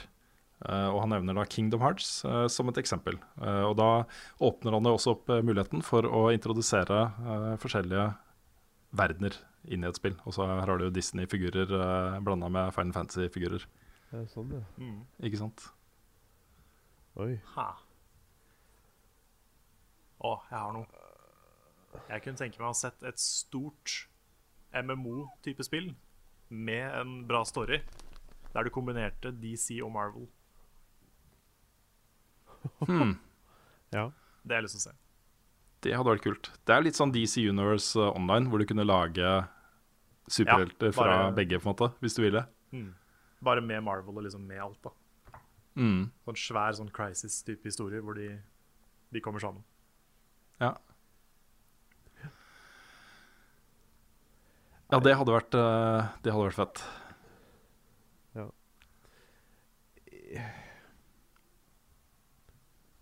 Jeg veit Hmm. ikke, ass. Jeg tenker på en måte at det er jo mange ting man eh, kunne mikse allerede. Jeg satt jo og tenkte på eh, ikke, ikke det samme, men jeg kunne tenkt meg et eh, MMO innenfor uh, sjanger jeg har likt veldig, uh, veldig godt. For eksempel uh,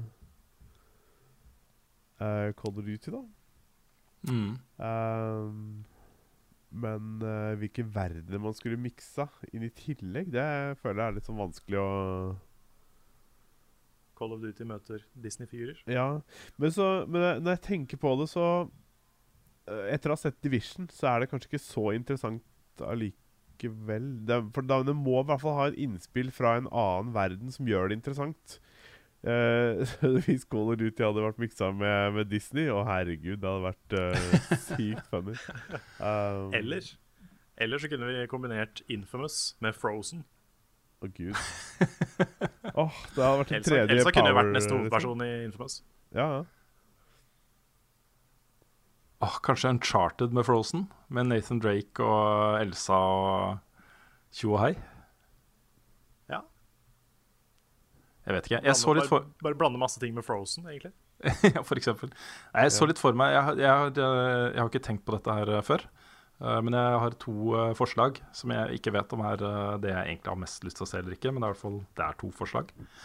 Eh, Det ene er eh, um, klassisk Megaman med Metroid. Kunne vært kult. At de møter hverandre og kanskje noe co-op-greier og sånne ting. Kanskje det kunne vært gøy? Kombinere egenskaper og Ja, ja. Sånn i 2D, da. ja. Det kunne vært fett. Er Eller. Tomb Raider med uh, God of War. Hvor Lara Croft finner en eller annen relic som gjør at hun slenges inn i, i mytologien sammen med Kratos. ja, ja. Kanskje. Litt dårligere forslag, kanskje. Kanskje vi en dag får en film som er uh, Uncharted ved Lara Croft, eller Nathan Drake ved Lara Croft, Dawn of Justice. For eksempel. Hvis du mikser Uncharted og Game of Thrones, da. Ah, da, hadde, da hadde eh, Nathan Drake hadde nok ikke overlevd lenge i det universet, altså. Jeg tror jeg. Nei, jeg vet ikke. Altså, Har du sett hva han overlever, eller? Det er jo Ja. Jo, men allikevel. Ja, men Tipper han hadde holdt ut til en halv episode. Ja, noe sånt. Ja, Jeg ja. hadde jo, en, jeg hadde jo et sånn drømmescenario for mange år siden. Eh, og det var jo, eh, det jo Half-Life eh, og Portal.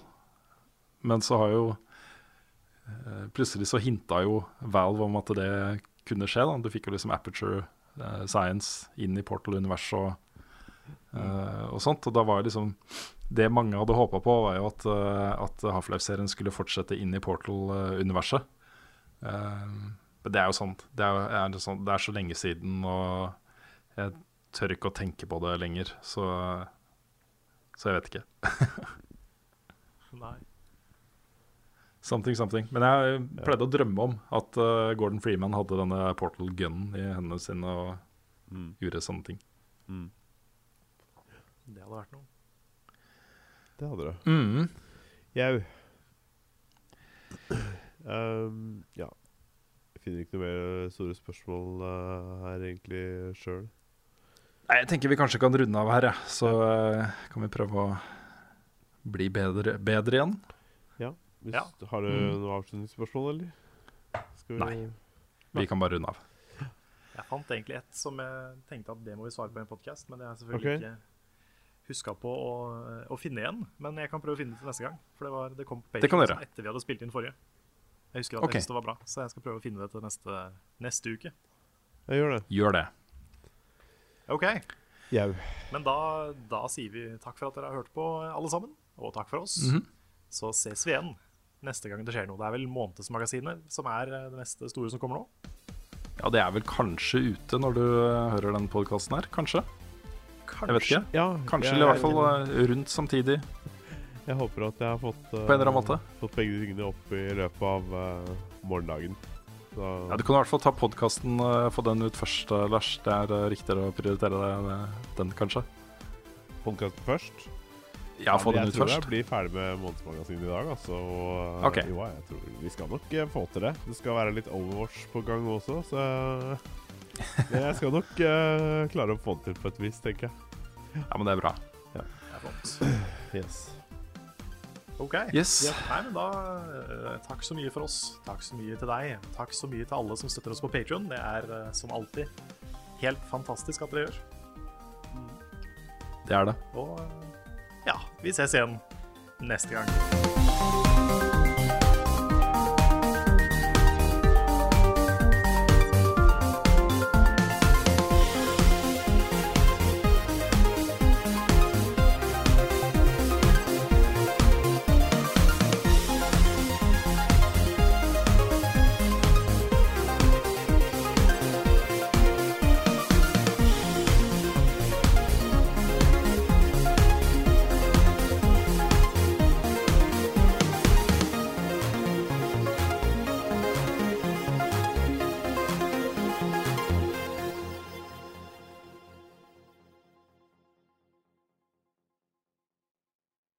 Har du et enkeltpersonforetak eller en liten bedrift? Da er du sikkert lei av å høre meg snakke om hvor enkelt det er med kvitteringer og bilag i fiken, så vi eh, gir oss her, vi.